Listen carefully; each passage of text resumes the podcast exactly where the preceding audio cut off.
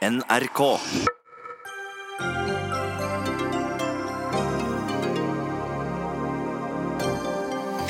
Det er gode tider for å kunne bli rik i Norge, skal vi tro en fersk statistikk. Bare det siste året har Norge fått 33 nye milliardærer, så det er vel bra?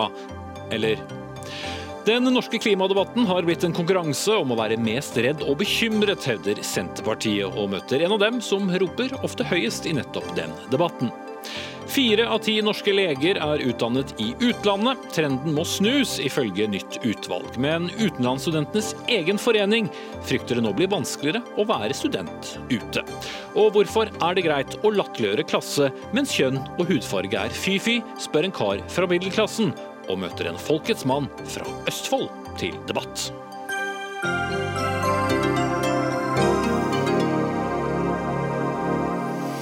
Da sier vi god kveld og velkommen til torsdagens Dagsnytt 18 med Espen Aas, der vi også skal møte forfatteren som nettopp fikk en anmeldelse som han var så rykende uenig i, og mener at anmelderen egentlig ønsker seg en helt annen bok. Men først i denne sendingen skal vi eh, høre at det altså er gode tider for å bli rik her i landet. Bare det siste året har vi fått 33 nye milliardærer, og totalt har vi 341 av dem. Seks busslaster med rikinger, om du vil. Det er eh, bladet Kapital som tradisjonen tro i dag har publisert sin årlige liste over landets 400 aller rikeste, og det er altså i år flere milliardærer på den listen enn før. Og Stortingsrepresentant og nestleder i Arbeiderpartiet, Hadia Tajik, eh, hva forteller denne listen deg? Norge er et bra land å bo i? Altså Det lista sier noe om, det er jo at det er ganske lurt å ha mye penger. fordi da får du enda mer penger.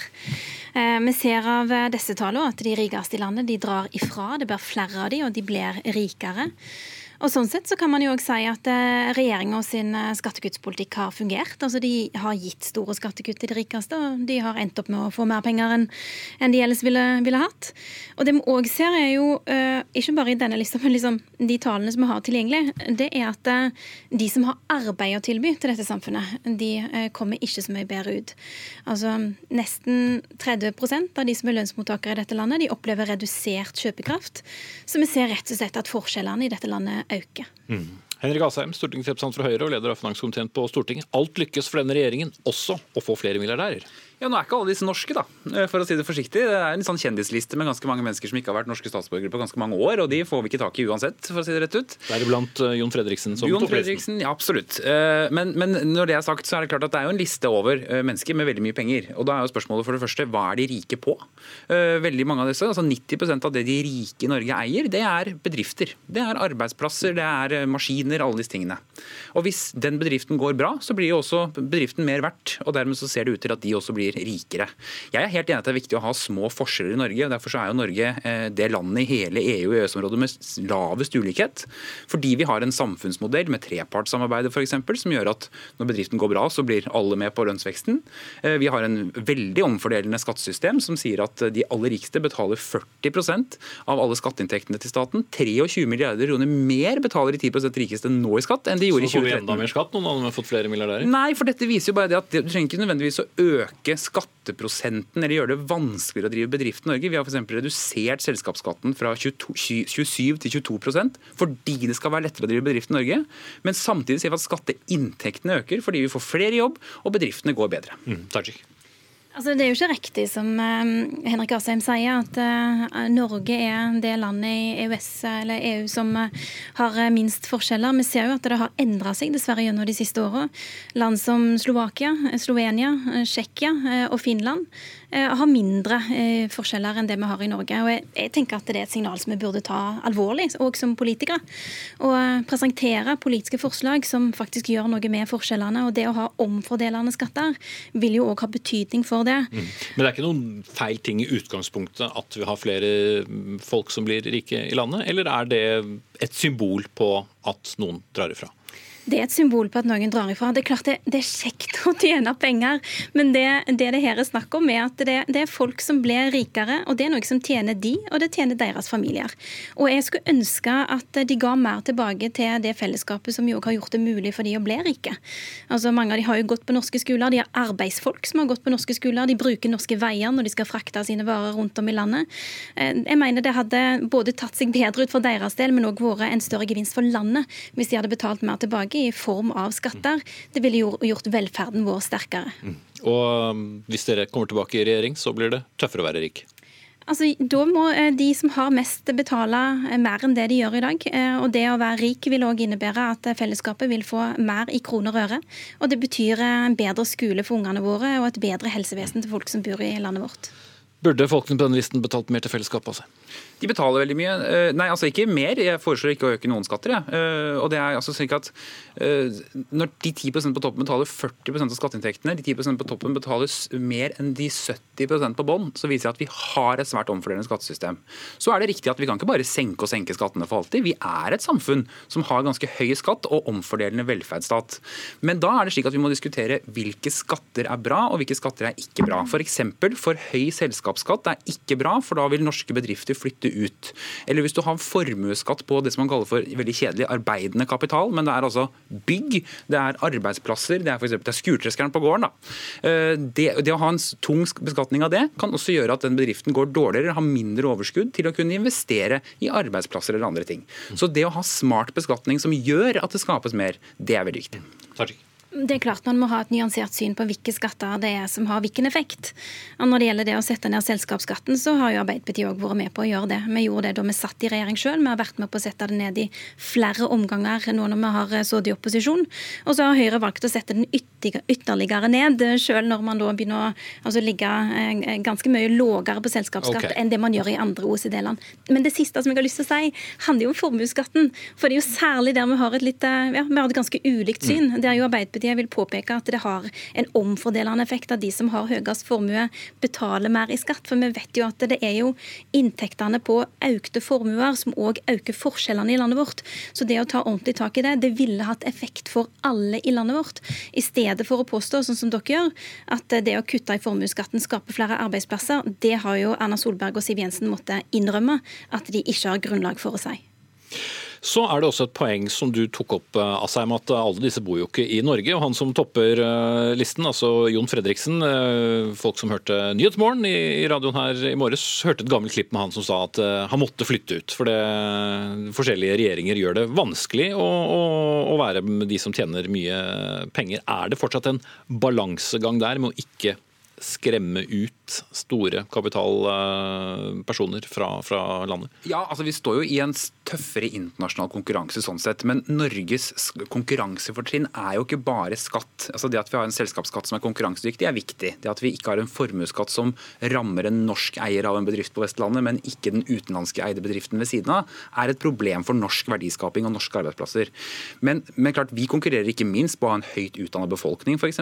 Eller nettopp det at forskjellene er små, er en fordel som, som tiltrekker arbeidskraft i Norge. Sånn at Vi er et land som konkurrerer bredt. Men det er klart at skattepolitikken vår har ikke bare ett hensyn, og det er å omfordele. Vi skattepolitikken skal nettopp skape jobber, eller hindre utslipp, eller gjøre veldig mange forskjellige ting. Så det å bare se på omfordeling på skattesystemet, det blir for snevert, for skattesystemet har mange hensyn. Mm. Tajik, er du redd for å skremme flere milliardærer ut av landet med løfter om at de skal betale mer til fellesskapet? Nei, fordi de har jo opplevd å betale mer til fellesskapet når Arbeiderpartiet har sittet i regjering. Eh, så dette er på en måte ikke en, en virkelighet som, vel, som si, verken kommer overraskende på dem, eller er noe som på en måte setter en støkk eller, en, eh, eller skremmer folk vekk i det hele tatt. Altså Man har jo hatt et skattesystem i Norge som har virka mer rettferdig enn det, med, enn det, den gjør i dag under Høyre, og den har vist seg å fungere. Eh, I motsetning til de, de stadige tilbakevendende løftene som vi får fra høyresida om at man skal få skattekutt som vil føre til flere arbeidsplasser i Norge, for det har de ikke gjort. Men dette, ja. Ja, Dette merket man veldig godt da oljeprisfallet kom. For da hadde du svære leverandørbedrifter på Vestlandet som hadde store formuer. altså De hadde bygg som var verdt mye penger. En bedrift hadde svære kjettinglagre som de ikke fikk solgt, og som måtte betale formuesskatt av de kjettingene, mens det uh, selskapet ved siden av som var eid av et nederlandsk investeringsfond, ikke betalte formuesskatt av de sine kjettinger. Det knekker norsk konkurransekraft. Og skal du ha den konkurransekraften, særlig på Sør- og Vestlandet, så må du også ha et skattesystem som er rettferdig. Ok, Vi setter et lite punktum der. Fordi en liste over landets 400 rikeste er nå én ting, men den samme listen blir frykt, fryktelig kort dersom man gjør en enkel justering, nemlig å ta bort alle menn på listen. Den øvelsen gjorde dere i DNB, Aina Lehmann Lunde, du er markedsdirektør der. Hva skjedde med den listen når dere tok bort eh, alle hannkjønn? Det ble rett og slett veldig mange tomme sider igjen i den utgaven av Kapital som vi valgte å kalle Kapitalgapet, når mennene ble tatt ut. Og eh, Kapitals liste over 400 rikeste mennesker den er jo ganske symboltung i forhold til hvem som eier verdiene i Norge. Eh, og Grunnen til at vi gjorde det grepet, var rett og slett for å gjøre kvinner oppmerksomme på at det er lettere å være med å styre og påvirke verden hvis man også er med og eier den. Og Vi har nok blitt litt blinde når vi har sett lista år etter år eh, og er vant til at det er menn som troner i toppen. Så har vi blitt litt blinde for at halve befolkningen knapt nok eh, har vært representert der. Eh, Og så kan man jo si at de Hvor, hvor kort ble listen, bare for å ta det tallet? Jeg tror vi endte opp med jeg husker ikke tallet helt i hodet, jeg tror vi var 22 kvinner eller noe sånt nå til slutt. rundt der omkring. Eh, Men det vi også ser når vi gjør denne øvelsen her, så er det jo dette er jo ikke kun snakk om de 400 rikeste. Fordi det kapitalgapet vi ser mellom kvinner og menn på denne listen her, den gjør seg gjeldende i hele befolkningen. Det er en systematisk ulikhet mellom kvinner og menn som vi nå har kartlagt ved å se på offentlige tall. Og den gjør seg gjeldende på, på alt fra å eie større selskap og investere i fond og aksjer, til hverdagsøkonomien. Hvem som eier boliglånet, hvem som eier pensjonssparingen. Så reflekteres hele veien. Det kan dere se som eh, Norges største bank. Hva, hva slags betydning for det for samfunnet? Altså det er klart at eh, Penger betyr trygghet, valgfrihet, innflytelse. Så det er jo viktig at det er fordelt både mellom kvinner og menn. Og da trenger vi at eh, flere kvinner kommer på banen og tar eierskap til sin egen økonomi. Og Det er jo, har jo vært mye snakk om likestilling av lønn, f.eks. Men det det ikke snakkes så mye om, er hvis vi hadde likestilt alle lønninger i dag, så hadde menn fortsatt tjent over 50 milliarder mer enn kvinner. Og Det handler veldig mye om hvordan kvinner bruker pengene man tjener. Eh, For vi ser at eh, kvinner og menn velger å spare pengene sine ulikt, hvor menn da investerer i sparingsformer som gir høyere avkastning. Og hvis de er mer risikovillig? Det kan være en av grunnene. eh, Men det vi ser er at hvis vi fortsetter den utviklingen som vi har nå, så kommer det kapitalgapet antageligvis til å øke, selv om lønningene blir mer likestilte. Og da, mine politikere, er det et problem? Ja, det vil jeg si at det er. Altså, nå er det klart at De tallene som vi ser her, som gjenspeiler seg i forskjeller i kjønn, det er jo skapt gjennom eh, generasjoner. ikke sant? Så det er jo heller ikke sånn at eh, det, man i en håndvending kan endre på det. Eh, men òg her så utgjør politikken forskjell. Det går an òg gjennom politiske virkemidler å, å bidra til noe. Og eh, det er jo min og Arbeiderpartiets oppfatning at hadde kvinner tjent mer enn det de gjør i dag, i snitt Altså man må jo ha mer penger for å kunne spare mer penger. Så er jo det òg noe som har betydning. Så når vi har ja. Ja, Hva kunne man gjort? Man kunne f.eks., som Arbeiderpartiet har foreslått, innført en likelønnspott. Det ville gitt, eh, gitt en del kvinnedominerte yrker et lønnsløft. Det har Høyre stemt eh, imot. Man kunne gjort mer, eh, altså innført Arbeiderpartiet sine forslag for flere faste, hele stillinger, ikke, ikke minst innenfor helse og omsorg. Det ville hatt betydning for kvinners eh, lønn. Det har Høyre stemt imot. Og så kunne man òg innført eh, ordningen med pensjon fra første krone. Det er jo noe som har betydning for én million eh, arbeidsfolk i dette landet, og veldig mange av de er kvinner. Så det er klart at har du mer penger, så har du mer penger å putte i aksjer og fond. Og det, det viser jo hvordan politikk òg har noe å si. Mm. Altså, Altså, jeg er i stor grad enig i at liksom, grunnen til Det blir litt tabloid å se på den topp 100 og så si sånn å, Jo, jo, så men hvis vi- ja, ja, ja, ja, ja, men ikke sant? Poenget er at vi må bare forstå at ikke sant, dette handler om veldig mange valg som tas over veldig lang tid. Og da handler det også om hvilke valg man gjør inni en familie ofte. ikke sant? Altså Skal far eller mor være hjemme med barna osv. Men, men det er klart at en av de utfordringene som vi ser, er jo nettopp at ikke flere kvinner for eksempel starter bedrifter. Og vi har et ganske kjønnsdelt eh, arbeidsmarked. Yrkesliv. Mange kvinner jobber innenfor omsorgsyrker for eksempel, eller innenfor barnehager osv. Noe av det som er problemet er jo at når venstresiden ser at gründerne driver med den type ting, så skal det på en måte forbys utbytter og man skal regulere og stoppe det. Mens når det er, og vanligvis når noen på høyresiden sier dette, så begynner venstresiden å avbryte dem. Det er hyggelig at Hadia Tajik ikke gjør.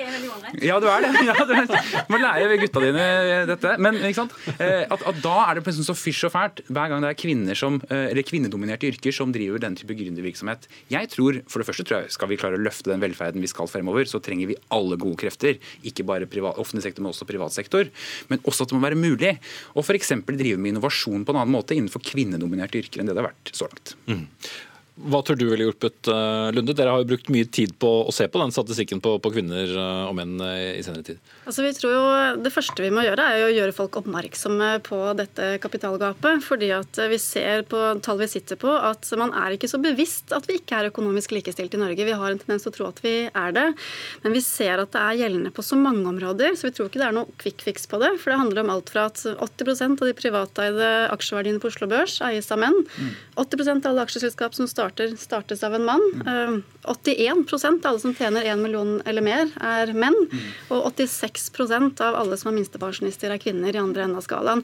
Så dette gjelder alle økonomiske områder. Så vi tror at hvert fall for vår del så er en del av oppgaven vi må gjøre, det er å øke den økonomiske kompetansen. Eh, vi har en jobb å gjøre med å få økonomi til å oppleves som både relevant og viktig og tilgjengelig. Eh, og der har man kanskje syndet litt i bransjen i forhold til at økonomi ikke har ført føltes tilgjengelig, eller eh, vi har ikke vært gode nok på å forklare hvorfor det er viktig, og hvordan man kan ta mer grep om privatøkonomien sin. For antagelig så må det begynne i bredden. Folk flest er nødt til å engasjere seg i økonomi. Det er kanskje ikke det mest spennende man tenker på, men det er veldig viktig. Mm. Så rett og slett eh, de der hjemme. Eh, hvor har du bilforsikringen din, hvor har du husforsikringen, og hva slags pensjon har du? Skal vi si det der, og ingen av oss kom inn på listen i år heller. Sånn er det bare. Takk til Henrik Asheim og Hatta Tajik, begge stortingsrepresentanter fra respektive Høyre og Arbeiderpartiet, og Einar Lemon Lunde, markedsdirektør i DNB. Dagsnytt 18 alle hverdager kl 18.00 på NRK P2 og NRK2. Vi eh, må snakke litt om den norske klimadebatten igjen, eller snarere debatten om den norske klimadebatten. For i et eh, svært godt lest og delt innlegg på NRK Ytring, så skrev i går Senterpartiets stortingsrepresentant Geir Pollestad følgende. Norsk klimadebatt er blitt en konkurranse om å være mest redd og bekymret. Og fortsetter. Klimabevegelsen greier ikke å få med folk på laget. Jeg forstår godt hvorfor. I eh, snakkende stund er det vel rundt 1000 kommentarer som er skrevet under denne. Eh, Geir Pollestad, du er med oss fra Stavanger. Hvorfor får ikke klimabevegelsen eh, folk med seg? Jeg tror det er fordi at de gir et bilde av at dette ikke nytter. en er aldri fornøyd. en er kanskje til og med litt humørløs. jeg tror det er en kjempeviktig sak å motivere folk til å være med på den viktige klimadugnaden. Men da må man òg vokte seg vel og ikke gå etter enkeltgrupper, enten det er oljearbeidere eller bønder eller folk som bor i eh, distriktene. Eh, det er ikke sånn at eh, klima er et enten-eller. Vi skal leve våre liv i, rundt omkring i hele Norge. Men det er ingen motsetning mellom det å være engasjert i klimasaken. Så det er litt uh, den utviklingen at hvis du er imot et klimatiltak, så er du fort uh, eh, stempla som en uh, klimafornekter. Og det er en debattform som jeg hadde lyst til å gi beskjed om at jeg ikke syns var grei. Ja, så Litt av det du skriver i innlegget ditt, er jo at de ødelegger for seg selv. Ja, altså om de øyelegger for seg selv, det bryr meg egentlig ikke så mye. Men de øyelegger for klimasaken, det er langt mer eh, alvorlig. Fordi at det er jo et paradoks når vi har en situasjon som er så alvorlig som det eh, klimakrisen er, at det er eh, så lite folkelig engasjement. Eh, jeg tror det er mulighet til å få et langt større engasjement, men da må folk få vite både hva de kan gjøre sjøl, Eh, og vi må ha rom for en politikk eh, som går ut på mer enn å plage folk. Og det, Der ligger det er kjernen i, i, konflikten, og den har jeg lyst til å løfte opp og diskutere. Mm, det og det har jo skjedd. Ja, Det får du lov til nå, for nasjonalperson, talsperson til og med, for Grønn ungdom, Hulda Holtvedt er med meg i, i studio her i Oslo. Skremmer dere folk? Og er det Nei. bevisst? Eh, Klimabevegelsen får med seg folk. Greta Thunberg har skapt en historisk folkebevegelse. Hun har gjort millioner av vanlige barn og unge til klimaaktivister. Så påstanden om at hennes retorikk er eh, ineffektiv, den faller jo på sin egen urimelighet. Og jeg skulle håpet at vi i kjølvannet av Thunbergs tale kunne snakke om politikk. Men, men tårer, redsel, frykt er jo elementer som er med i det hele. Ja, hun formidler jo forskningsbaserte fakta med følelser, og det virker jo åpenbart. da. Og Senterpartiet burde jo møtt Greta Thunberg og klimastreikerne med en konkret plan for hvordan vi skal kutte utslipp i tråd med Parisavtalen. Istedenfor så har Pollestad her levert en kronikk helt uten nye forslag til klimatiltak, hvor han liksom skal tre inn som en slags beskytter av barn og unge mot Greta Thunbergs retorikk. Jeg tror ikke det er Greta Thunberg som gjør at barn og unge nå sitter og føler på frykt og uro. Jeg tror det er politikere som Pollestad som avskriver alvoret i klimakrisen, som bagatelliserer det ansvaret voksengenerasjonen har for å rydde opp. Ja, Vi kan jo for så la Thunberg eh, få lov å hvile eh, i dag. Vi har diskutert henne tidligere denne uken. Men hvis vi prøver å være litt konkrete, da. Pollestad, hva vil du gjøre da for å nå målene? Senest i går så du kanskje det kom en FN-rapport som eh, var ganske alarmerende med tanke på vannstand og snømengder, kortere vinter osv. Ja, la meg først si at Min kritikk retter seg mer mot norske, norske klimaorganisasjoner enn det er mot Greta Thunberg. Og Det er litt sånn fordi at Senterpartiet for et par år siden gikk mot en økning i drivstoffavgiftene. Så er en veldig ivrig på å stemple oss som et svart og miljøfiendtlig parti. Senterpartiet er og har vært et grønt parti, kommer fortsatt til å være det. Og det er en rekke ting vi kan gjøre for det. Vi kan fortsette å bygge ut fornybar energi.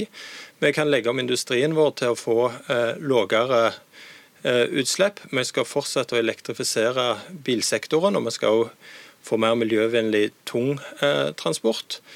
Så på felt etter felt så har jo Senterpartiet politikk.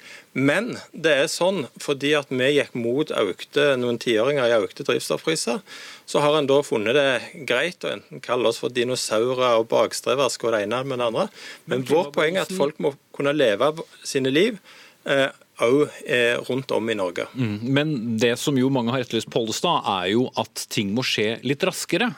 Og er det tingene som du lister opp der alene nok til å nå målene, f.eks. I, i, i Parisavtalen, som, som, i seg selv begynner å bli seneste lago nå?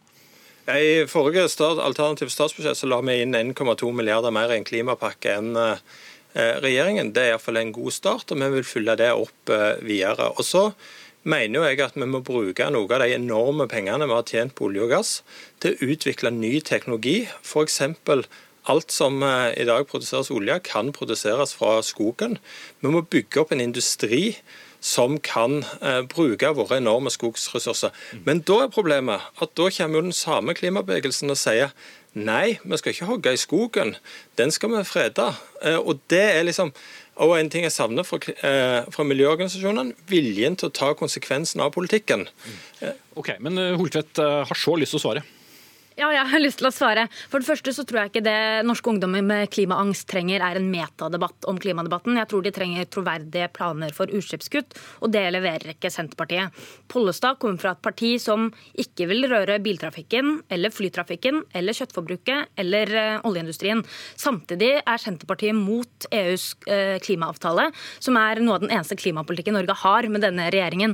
Så altså, Konsekvensen er egentlig at Senterpartiet ikke vil kutte utslipp hjemme. Det vil ikke kutte utslipp ute ute. Og de har rett og slett ikke tilstrekkelig politikk for å nå målene i Parisavtalen. Og sånn, Greta Thunbergs brutalt ærlige retorikk og sannhetene i klimakrisen, det skaper ubehag hos meg, og åpenbart også hos Pollestad. Og mitt tips til ham er egentlig å bruke det ubehaget til noe konstruktivt.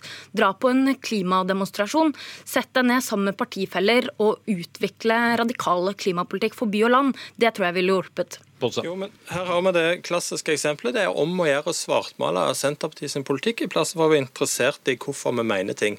La oss ta en enkel ting som eh, bilen. Ja, hvem var det som styrte Samferdselsdepartementet når eh, en bygde opp eh, elbilfordelene og gjennomførte dem når dette tok av? Jo, det var Senterpartiet. Hvorfor er vi imot EUs klimaavtale? Jo, fordi vi frykter at den begrenser muligheten til å bruke skogen i klimaarbeidet. Det er vår begrunnelse for å gjøre det. Så En bør jo lytte på hva som er begrunnelsen. Det er sånn at Senterpartiet er for klimapolitikk, men vi er for klimapolitikk som virker. Vi får en klimapolitikk som ikke skaper økte forskjeller, og vi får en klimapolitikk som ikke skaper økte forskjeller mellom bygd og by. Men bare ta en ting til som Du skriver på, oss da, for du skriver at klimakrisen ikke vil bli løst på et statssubsidiert frokostmøte i Oslo. Eh, samme hvor vegansk frokosten er. Du er ikke litt polariserende i retorikken din, her herr Selde? Jeg skal jo innrømme det friskt, eh, men det tror jeg det er eh, lov å ha det. Men mitt budskap er jo at eh, de som Altså bonden på traktoren, oljearbeideren i Nordsjøen, den som jobber på Hydros smelteverk, det er de folka som kommer til å løse klimakrisen. Ikke pratmakerne som driver og sprer frykt rundt dette. Mm. Holtvedt, er du en pratmaker som sprer frykt? Eh, altså, Pollestad må gjerne mene det, men er det én ting som Pollestad og jeg kanskje kan være enige om, så er det at eh, vi har begge oppgave å få med oss eh, folk og samle folk eh, om klimakampen. Eh, men det er jo Pollestad som har funnet opp ordet klimaelite, og som nå nærmest har avskrevet ungdommens klimabekymringer, eh, og som også har sammenlignet klimaaktivister med ekstreme religiøse sektledere. Så jeg tror på en måte at han må ta en runde med seg selv også før han snakker om å samle folk rundt klimakrisen. Så er det viktig å minne minne om at de 40 000 ungdommene som streika for klima, og har eh, foreslått konkrete klimapolitiske krav, som Pollestad også avskrev i kronikken sin, de er også vanlige folk. Mm, men nå utfordrer han på noen. Du skal, du skal få slippe til, Pollestad. Jeg skal bare spørre Holtvedt en ting til. For nå kom han med sine forslag, og da mener Senterpartiet har gjort eh, Er det noe bra der? Senterpartiet og Miljøpartiet De Grønne kan sikkert eh, bli enige om klimapolitikk, f.eks. om å bruke noe av skogen, hvis vi også kan verne noe av den. Problemet er jo at eh, vi går jo ikke etter enkeltgrupper bønder, oljearbeidere. Vi går etter de store utslippene i Norge. De kommer fra oljesektoren, de kommer fra transporten, mye kommer fra landbruket. Å kutte kjøttforbruket er noe av det mest effektive vi kan gjøre for bedre kosthold. Disse tiltakene vil ikke Senterpartiet diskutere. Tvert imot, så hver gang vi foreslår tiltak for å redusere flytrafikken, så kommer Senterpartiet og skal advare mot flyskam. Hver hver gang vi foreslår tiltak for å redusere kjøttforbruket, så advarer Senterpartiet mot kjøttskam. Og hver gang vi foreslår tiltak for å redusere biltrafikken, så er det bilskammen Senterpartiet skal til livs. Det er en avsporing fra klimadebatten. Kan du komme dem i møte, Polstad? Du skal få lov til å få siste ord nå. Ja, For det første så heier vi Senterpartiet på alle barn og ungdom, enten de streiker eller de bare er engasjert i klimasaken. Det er veldig bra. Eh, og så tror jeg at... Bare de ikke mener for mye om bønder? Nei, Det må de gjerne gjøre. Eh, og Landbruket skal jo ta sine kutt. Det er en av sektorene som har kutta. Eh, men eh, jeg tror det at vi snakker sammen i samme plassen for mot hverandre er viktig. Og da tror jeg at vi hører mer på folk flest og må få med folk flest.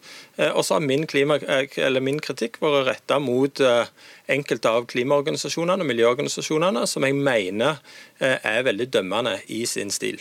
Ok, Jeg vet ikke om dere ble veldig enige her, men dere har i hvert fall diskutert dette. Takk skal dere ha, stortingsrepresentant Geir Polstad fra Senterpartiet og mm, nasjonal talsperson for Grønn Ungdom, Hulda Holtvedt.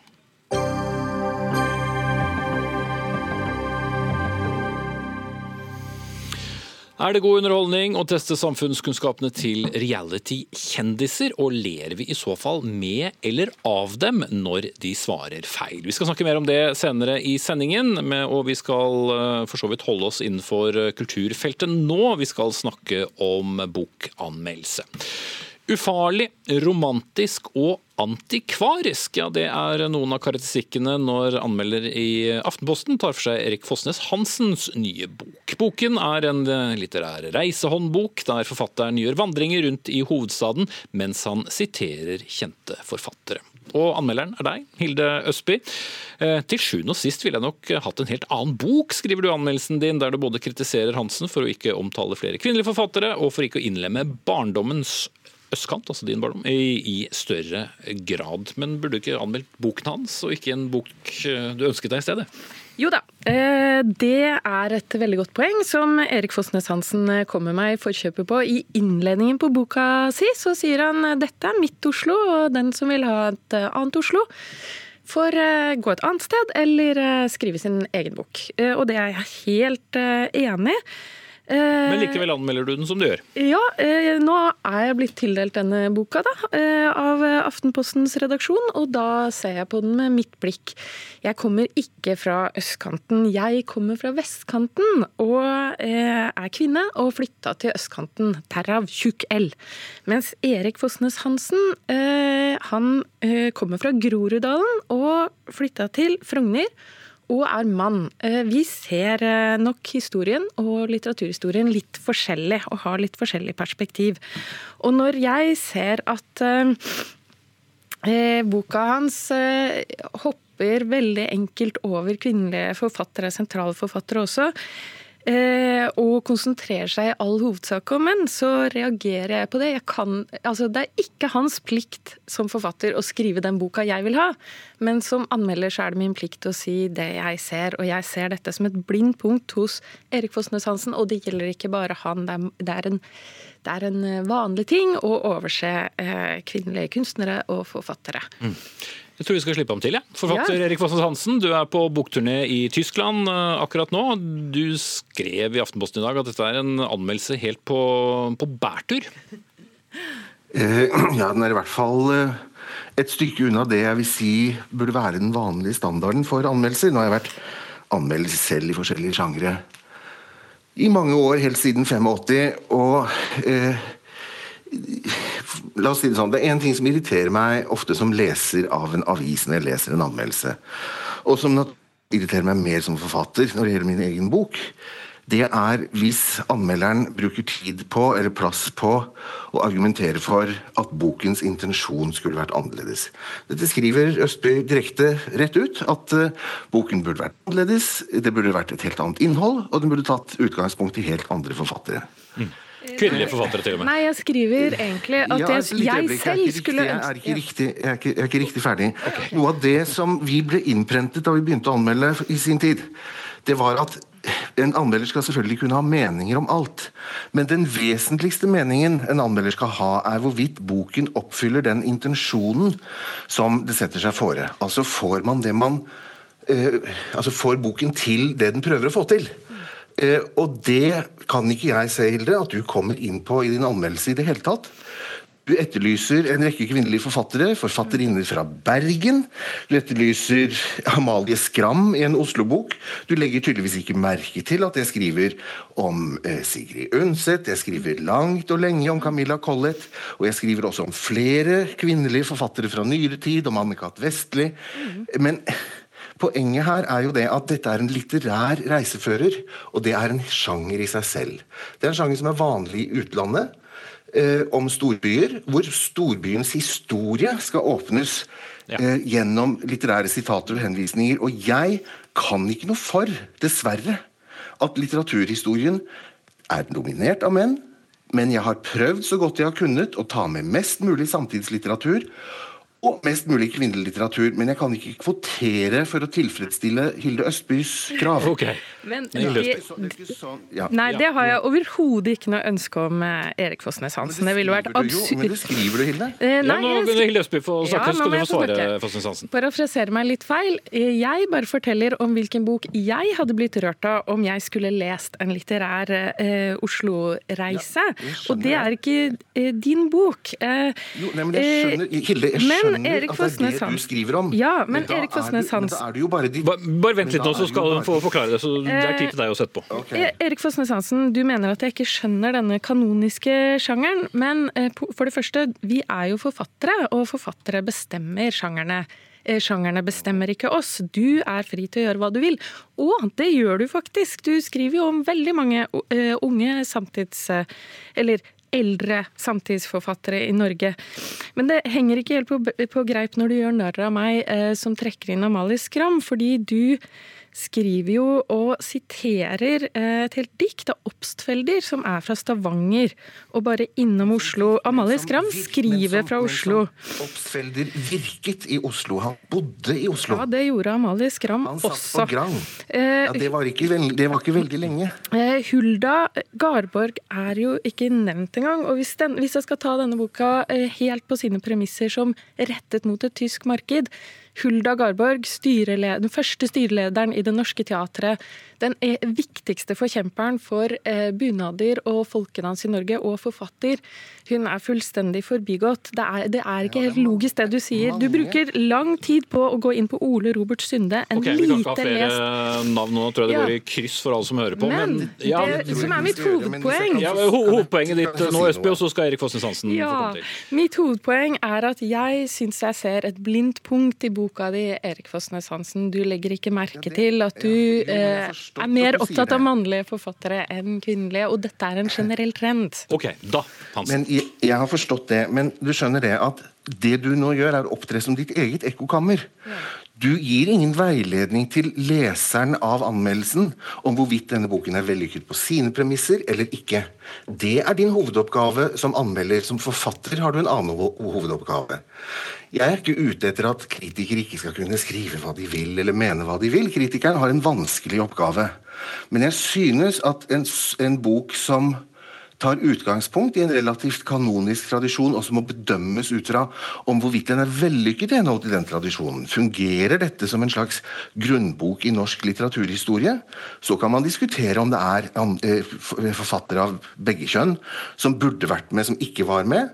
Jeg, eh, det er flere jeg gjerne skulle hatt med, men eh, her er det sånn at De få må også representere de mange. Hundrevis av forfattere har bodd i, virket i og skrevet om og fra Oslo. Og jeg kan ikke få med alle i en liten bok. Mm. Nei, Og jeg håper mange andre vil skrive bøker om Oslo. Ja. Eh, og det litterære Oslo hadde vært fantastisk. Men hvis du skulle vurdert boken til Fossen Hansen ut fra det premisset som er der, har du noe pent å si om den? Eh, men, ja, og jeg elsket jo kapitlet om Groruddalen. Det er helt nydelig. Fantastisk beskrivelse av reise med eh, 31-bussen. Gjennom hele Oslo. Eh, og Erik Fossnes Hansens eh, eh, blomstrende riksmål møter eh, eh, kebab eh, norsk og ikke sant, innvandringsdalen, da. Mm. det er veldig fint. Ja. For det er et lite plaster på såret helt til slutt. Likte det i hvert fall. Ja, Jeg likte så hyggelig. veldig godt. Ja. Eh, Det ble litt eh, geografiveiledning for de som ikke er fra Oslo her og merket i oss. Takk skal dere ha begge to. Hilde Østby, anmelder i Aftenposten, og forfatter Erik Fossnes Hansen ved oss på linje fra Tyskland.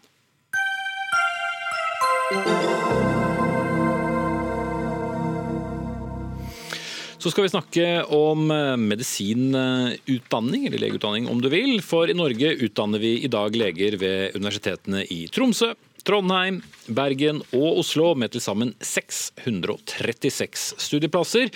Men dette dekker langt fra legebehovet i Norge. I underkant av 60% av legene som arbeider i Norge, har utdanning i Norge. Andelen er også synkende, og det må gjøres noe med. Det er konklusjonen til Grimstad-utvalget, som har hatt som oppdrag å utrede muligheten til å øke antall studenter innenfor dagens medisinstudie. Og dette utvalget har eh, navn fra deg, Hilde Grimstad. Du er professor ved Fakultet for medisin og helsevitenskap ved NTNU, og med oss på linje. Hvorfor eh, er det viktig å utdanne flere i Norge? Ja, Vi mener at vi må utdanne betydelig flere i Norge for at vi skal ha flere leger i Norge som er utdanna i den norske helsetjenesten, for den norske helsetjenesten, og med god kunnskap om det norske sykdomspanoramaet og de helseproblemene norske pasienter har, og å kjenne befolkningen i Norge godt. Det er jo lang tradisjon for uh, å, å utdanne leger uh, i utlandet. Tidligere var det Tyskland, uh, Irland og Østerrike som var de mest populære landene. Nå er det Polen, Ungarn og Slovakia. Hva tapper vi på at så mange utdanner seg der? Eh, Vi har ikke gått dypt inn i kvaliteten på utdanningene, men vi vet jo at det er land som har en annen kultur enn oss. Og kultur har også betydning inn mot eh, helseutdanning og det å være lege. Så innholdet i helsetjenesten i de landene er litt annerledes enn i Norge, og det, kan, eh, det vil gjenspeiles i utdanningene også. Men bør det da gjøres vanskeligere å studere i utlandet? Ja, vi har jo foreslått at vi bør redusere finansieringa til å studere medisin i, eh, hvor som helst i utlandet. Samtidig så sier vi at vi bør øke antall studieplasser i Norge, og noen holder på noen studieplasser, eller vi an, anbefaler at man gjør utredning for å finne en måte å finansiere utenlandsstudenter på ved noen utvalgte studiesteder. Hanna Flod, du er president i ANSA, organisasjonen for utenlandsstudenter. Hva sier du til disse tiltakene? Altså Den konklusjonen ANSA reagerer på, det er at utvalget anbefaler at lånekassestøtte skal kuttes til eh, medisinutdanning i utlandet. Problemet er jo ikke eh, at ambisiøse og dyktige studenter har valgt å ta medisinutdanningen sin i utlandet. Men eh, nå er det sånn at Norge har gjort seg helt avhengig av disse studentene i mange år. og Da må man faktisk behandle dem en, på en verdig måte, men i hvert fall vi.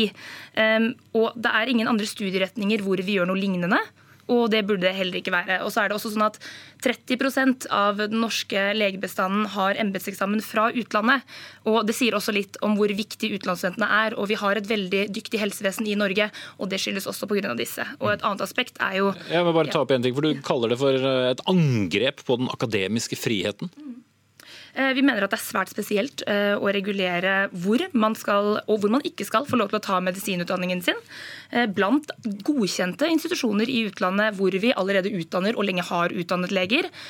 Og en del av frihet, akademisk frihet er jo nettopp dette med læringsfriheten fra liksom det humbolske dannelsesidealet. Og Det omfatter at studentene selv skal kunne få lov til å velge og stå fritt til å kontrollere hvordan og hvor de skal ta utdanningen sin, uten at det skal bli påvirket av finansiell makt. Mm. Hva sier du til denne, dette angrepet på den akademiske friheten, Grimstad? Jeg har først lyst til å si at vi sier ikke at det skal kuttes det med finansiering for utenlandsstudenter for medisin, men vi sier at vi vil anbefale å Eh, justere det, sånn at vi ser noen utvalgte og definerte studiesteder som de vi ønsker at studentene våre skal være til. Det handler mellom annet om at vi har nå laga nye nasjonale retningslinjer for helse- og sosialutdanningene i Norge, inkludert medisin, der vi, utdanningsstedene, har sittet sammen med helsetjenesten og definert hva skal en norsk utdanna lege ha av kompetanse når den er nyutdanna, sånn at kompetansen er det som helsetjenesten etterspør. Og hvis vi fortsetter å utdanne så mye som halvparten av legene i utlandet, så får vi ikke den effekten av denne Retos-reformen heller. Mm. Iselin Nybø, du er forsknings- og høyere utdanningsminister fra, fra Venstre. Forstår du bekymringen til ANSA her? Ja, det gjør jeg. Eh, jeg syns jo utvalget har lagt fram mange spennende forslag til hvordan vi kan øke antallet medisinstudenter mm. For det er Stortinget som har opprettet et utvalg? Ja. ja, det er et initiativ fra Stortinget. Men jeg kjenner jo òg at det rykker litt i den liberale ryggmargsrefleksen når jeg leser forslaget fra, fra utvalget om å begrense mulighetene i utlandet. Og det er det egentlig to grunner til. Det er for det første fordi jeg er, jeg er, europeer i hjertet mitt. Og det å skulle begrense unge mennesker sin, sine muligheter og sin bevegelsesfrihet på den måten Men du må jo veie det opp for de tingene ja. som, som, Grimstad snakker om. Ja, og som, leger er en veldig viktig yrkesgruppe i Norge. Ja da, men samtidig så har vi et, system i Norge som, som, går på at eh, du får studiestøtte, du får lån, du får stipend. Så kan du ta med deg den studiestøtten ut i verden og ta utdanningen der du vil, der du mener at du får en god utdanning. Og vi har en annen medisinutdanning i Norge enn det du får i andre land. Men det betyr ikke nødvendigvis at det er en dårligere utdanning du får andre plasser, eller at det er negativt å ha både eh, studenter med en internasjonal bakgrunn og en nasjonal eh, Nå høres du så enig ut med Flod at jeg lurer jammen meg på hva som kommer til å skje med Grimstad-utvalgets anbefalinger. Ja, Det er jo, det skal på høring, eh, og da skal, da skal vi få både motargumenter og forargumenter.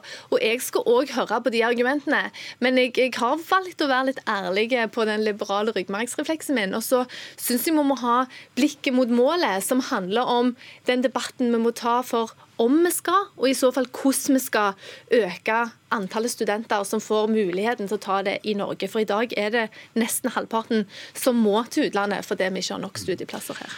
Jeg vet ikke hva du syns om den omfavnelsen, Gripstad? Ehm, ja, vi, vi, møttes jo i går, så jeg hørte litt om det da. Ehm, medisinutdanning er en dyr utdanning, og det er mange unge som ønsker å bli lege. Ehm, vi ønsker jo ikke at vi skal ha, bruke mye penger til å utdanne noen til potensielt arbeidsløshet heller. sånn at hvis vi øker studieplassen i Norge, så tror vi ikke det automatisk går ned med søknader til utlandet. Og Jeg tror det er lurt å regulere det, sånn at vi ikke utdanne ungdommer til arbeidsløshet. Mm. Flott. Eh, men her er det også eh, litt uenighet om forutsetningene for Oslo Economics, som nettopp har laget denne rapporten som eh, utvalget baserer seg på i stor grad, har f.eks. lagt til grunn at en dobling av studieplassene i Norge vil føre til en halvering av de som velger å ta utdanningen sin i utlandet.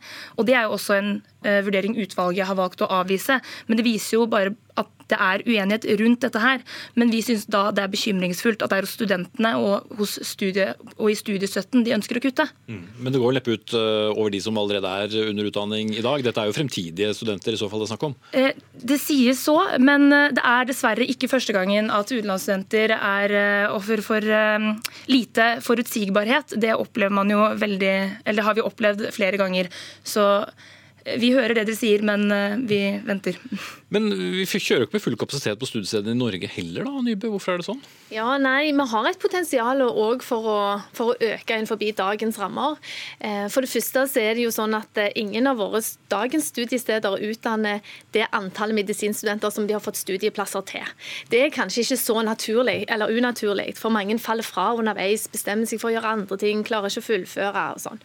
Men så har vi satt noen måltall Eh, på hvor mange medisinstudenter vi skal ha eh, uteksaminert hvert år. Og De fire, fire institusjonene som i dag utdanner medisinstudenter, de når heller ikke de måltallene.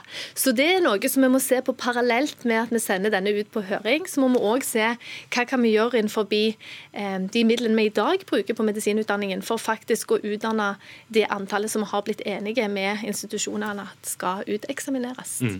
Men som statsråd, hva er det du er mest interessert i å få av tilbakemeldinger, utover din egen ryggmargsrefleks? Ja, Denne rapporten handler jo egentlig om de store grepene. Det handler jo om hvordan vi skal rigge oss for å kunne ha flere medisinstudenter i Norge. Og Da gir utvalget oss mye mat, mye å jobbe videre med. Det handler om ulike alternativer for hvordan vi kan bygge opp dagens medisinutdanning, om vi kan bygge opp nye plasser, om vi skal vurdere å ha eh, en ordning som gjør at de som studerer i utlandet, kan være der i tre år, men ta de tre siste årene hjemme. Så det er det som egentlig er det store temaet i rapporten. Og så er dette en, en tilleggs, tilleggsmoment. Men, men altså en kombinasjon, rett og slett at du begynner uh, utdannelsen i utlandet, og så sluttfører du den i Norge? For å sikre noen av de bekymringene som kommer uh, bl.a. fra Grimstad? Ja, det er en av de tingene som dette utvalget har sett på, og som vi nå skal sende på høring. Og Det handler jo ikke om at du får en dårlig utdanning i utlandet. Det handler om at uh, hvis du tar den her i Norge, så er du mer tilpassa når du er ferdig til å gå rett inn i det norske helsevesenet. Skal til å skrive dere ut, men eh, Flod til slutt, eh, blir du beroliget av statsråden? Eh, først det med nærhet til norsk helsevesen. Det er jo veldig mange av utenlandsstudentene som tar praksis i Norge. De hospiterer i Norge, de jobber som lege med studentlisens i Norge. og de man må, er jo nødt til å gjøre det for å få LIS1-stilling per dags dato.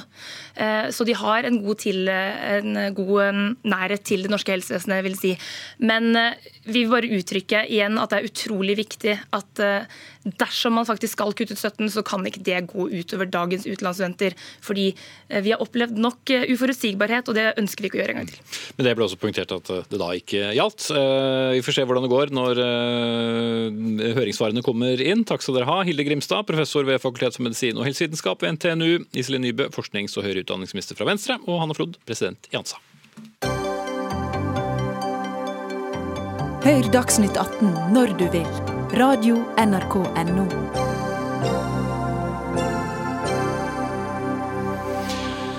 X on the beach, Luksusfellen og Charterfeber. Det er eh, i hvert fall ikke mangel på forskjellige reality-programmer i det norske fjernsynslandskapet. Et av de siste konseptene er Norges smarteste reality-deltaker, som er å se på Viaplay, der ulike reality-kjendiser fra forskjellige reality-programmer testes i allmennkunnskap.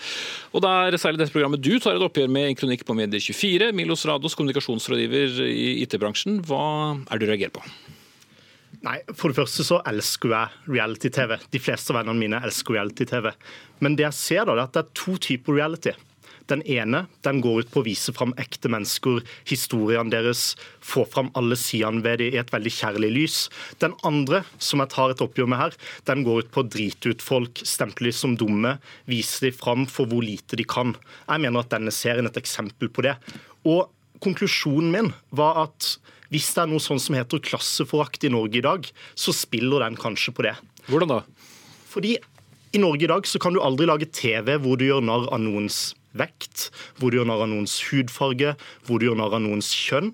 Men når det kommer til å vise fram folk som dumme eller harry eller har lite sånn allmennkunnskap, da er det liksom greit å sette de opp til å bli ledd av. Og det syns ikke jeg er greit. Jeg syns at det viser noen holdninger som er ganske problematiske i samfunnet vårt, og som medieindustrien og de som lager disse programmene kanskje bør se litt mer nøye på. Mm. Andreas Bakke Hjerte, du er programdirektør av Nent Group Norge og har ansvaret for bl.a. denne serien av Norges smarteste reality-deltakere. Men uh, du syns det er Rados som karikerer. Hvorfor gjør han det? Uh, nei, jeg syns jo disse deltakerne er uh, morsomme. Jeg ønsker å vise en, en en, en, divers side av, av, Norge. Og jeg synes at det er jo Milo som karikerer disse menneskene som på en måte en klasse som, som, han ikke kan assosieres med. Eh, og sånt noe i sin artikkel.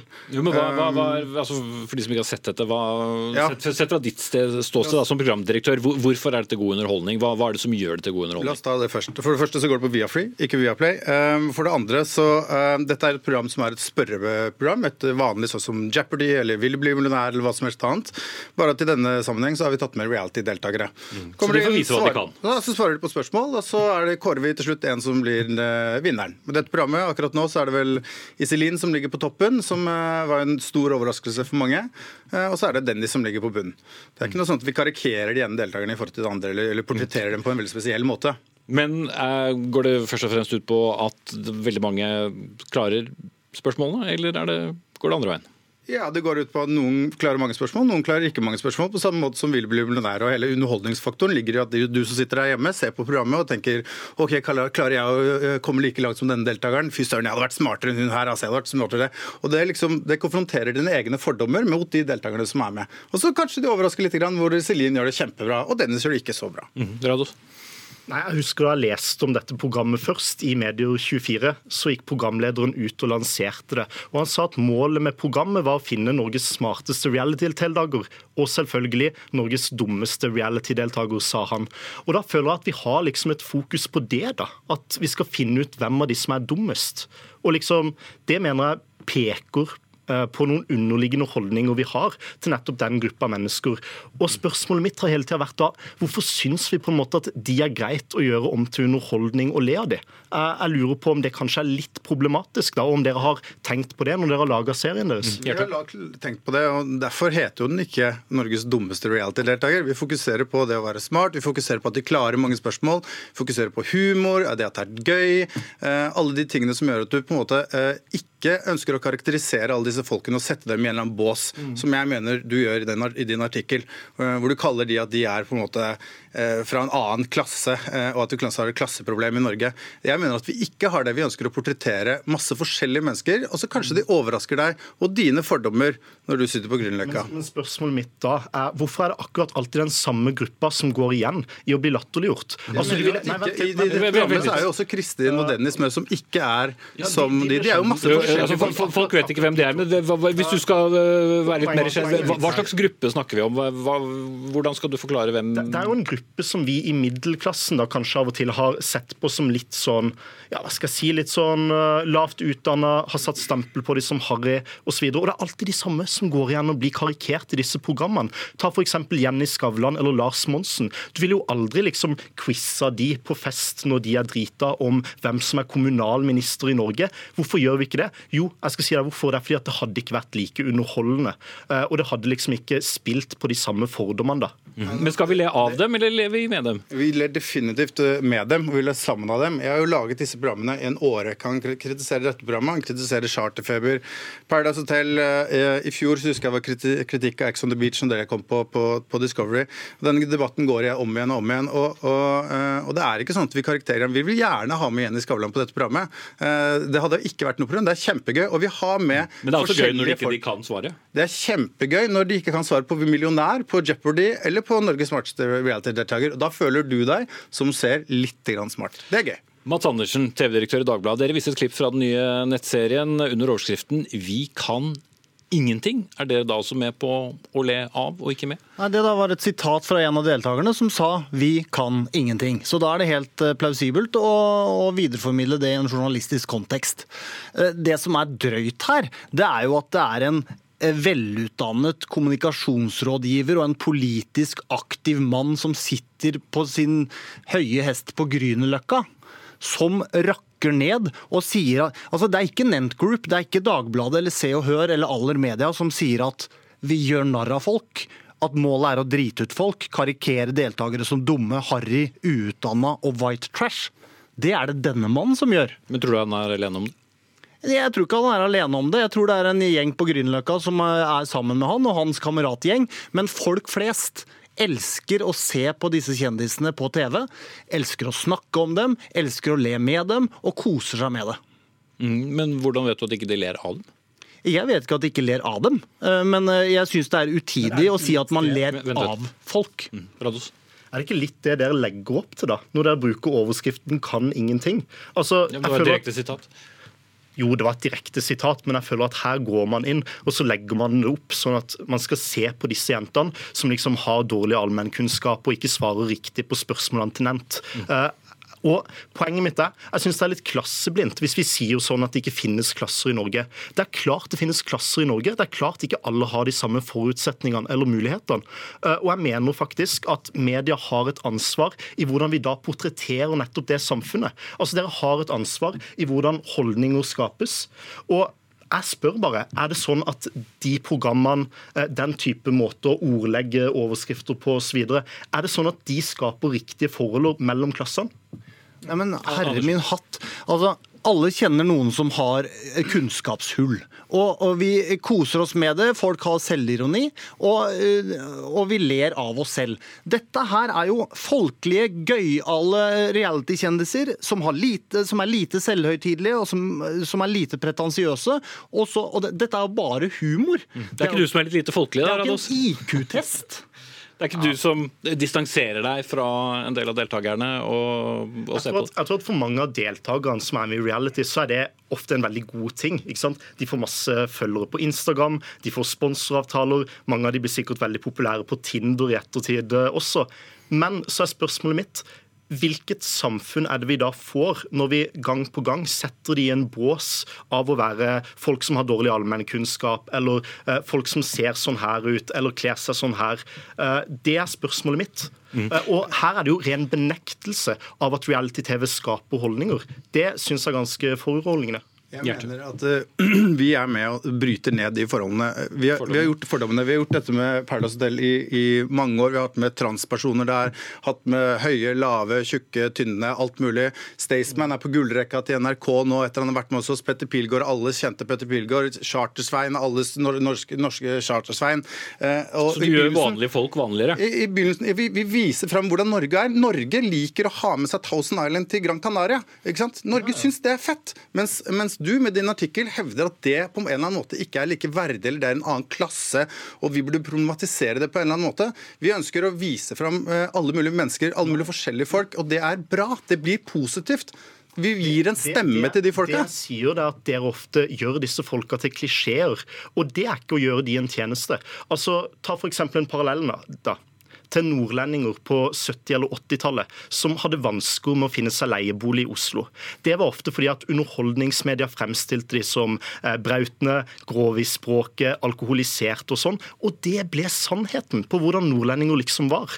Jeg tror at disse stereotypene da, som går igjen og igjen i reality, har noe for seg når det kommer til det å lage holdninger. Og det håper jeg virkelig du er bevisst på. Jeg er kjempebevisst på det, og da håper jeg virkelig at du slutter å skrive sånne artikler hvor du setter dem i båser og karikerer dem på den måten du gjør. For det er ikke vi som gjør det. Det er ikke vi som gjør det. Det er du som gjør det med dine holdninger når du tolker dine ting inn i den, Men det det er en tanke bak hvordan du kaster for å Definitivt. Ja. Selvfølgelig. Vi kaster, som jeg sa kaster forskjellige mennesker som skal interagere og øh, holde på og, og være sammen. Og vi, vi lager et underholdningsprogram. Det er ikke et dokumentarprogram. Vi, vi, Skal vi danse så viser de ikke hele treningsperioden. De viser det som er gøy fra treningsperioden. Det gjør vi det samme på Charterfeber eller hva som helst annet. Mats Andersen, eh, hva slags eh, type fra realityshow ville f.eks. være bra å fronte en sånn sak? Altså, Vi fronter reality-kjendiser på både dagbladet.no og seher.no daglig, hele uka, hele døgnet. Og det er, eh, det er, følelser, det er ting som skjer med folk, som er det som, eh, som er interessant for folk. Og om det er Chartersvein, om det er en Harrytass fra, fra Tønsberg eller en, eh, en rikmannsgutt fra, fra vestkanten i Oslo, eller en dame full av silikonpupper fra et annet sted i Norge, det har ingenting å si. Så det spilles ikke på noen fordommer? Nei. Før vi stenger, eh, hva heter Norges olje- og energiminister? Det burde jeg egentlig kunne. Fiskeriminister? Er ikke dette gøy? Dette er gøy. Det gjør folk hjemme nå. Håper det var noen som svarte. Milos Rados, kommunikasjonsrådgiver, Adias eh, Bakka Hjerte, programdirektør i Nins Group, og Mats Andersen, TV-direktør i Dagbladet. Kan få med noen navn på slutten av sendingen nå. Ann Katrine Førli var nemlig ansvarlig for sendingen. Teknisk ansvarlig Marianne Myrhol. I studio satt eh, Espen Aas, eh, og hva het Ingen som har kommet på noe navn ennå? Kjell Børge Freiberg er olje- og energiminister. Harald Tom Nesvik er fiskeriminister. Men kanskje er det ikke folke nok. Vi er i hvert fall tilbake med vårt Folkelige Dagsnytt 18 i morgen.